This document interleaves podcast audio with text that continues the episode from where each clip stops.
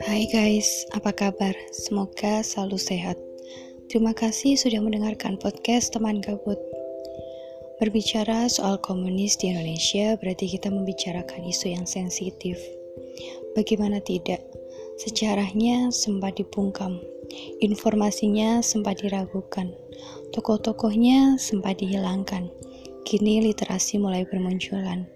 Salah satunya adalah seri buku Tempo dalam rangkaian Orang Kiri Indonesia. Buku dengan judul Muso Si Merah di Simpang Republik akan menjelaskan kepada kita bagaimana kehidupan Muso dan juga perkembangan Partai Komunis Indonesia. Buku ini terbit pada tahun 2011 dengan tebal halaman sebanyak 143 lembar.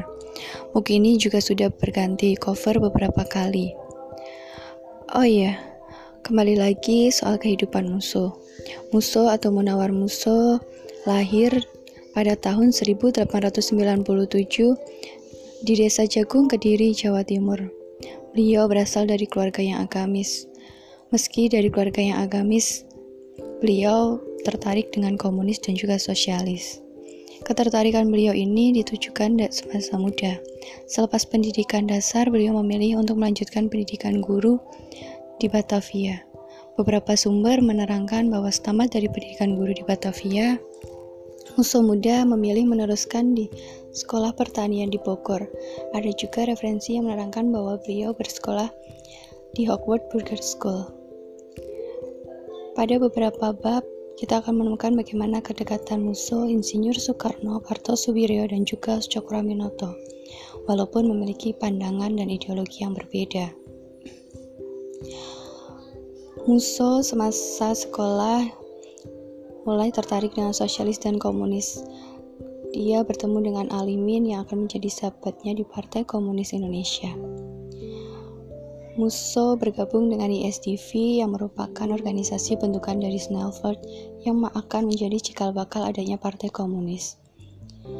Pada tahun 1923, Muso dan sahabatnya Alimin memilih bergabung dengan Partai Komunis Indonesia bentukan Semaun.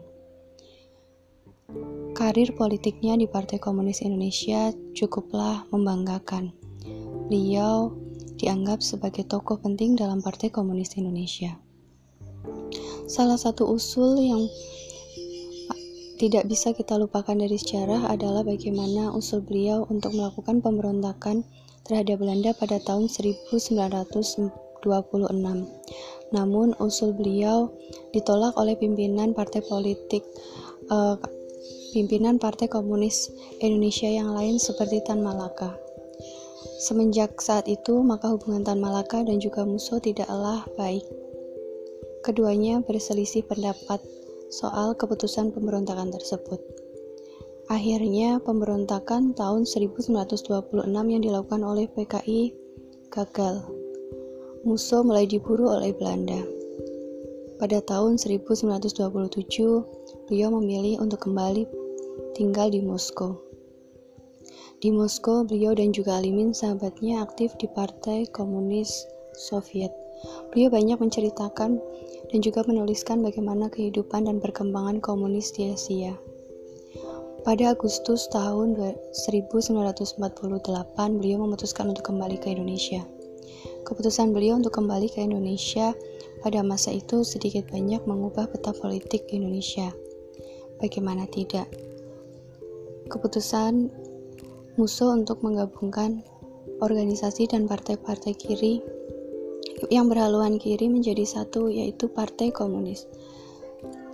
Beliau juga mengusulkan adanya jalan baru di mana Belanda tidak boleh mengikut campur urusan selain urusan ekonomi.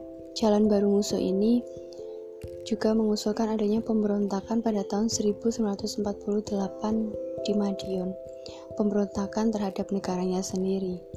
Beliau memilih untuk memerdekakan dan memproklamasikan diri di Madiun. Namun, pemberontakan ini lagi-lagi gagal. Musuh akhirnya bersama dengan pengikutnya diburu oleh tentara-tentara Indonesia.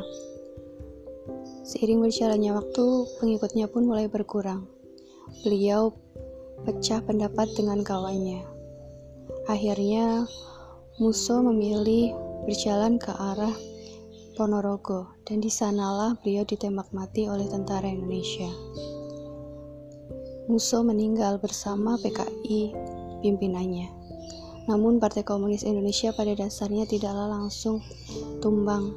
Partai Komunis Indonesia mulai bangkit kembali di bawah kepemimpinan tiga serangkai komunis Indonesia, yaitu Dipa Nusantara Edit, Nyoto, dan juga Lukman. Dalam buku ini, kita akan menemukan bagaimana fakta-fakta sejarah, perkembangan, dan juga fakta-fakta menarik tentang musuh. Untuk kalian yang masih kepo tentang kehidupan musuh dan juga komunis Indonesia, kalian bisa baca buku ini. Atau kalian bisa meminjamnya di Perpustakaan Nasional atau IPUSNAS. Terima kasih sudah mendengarkan podcast teman gabut. Semoga selalu sehat. See you.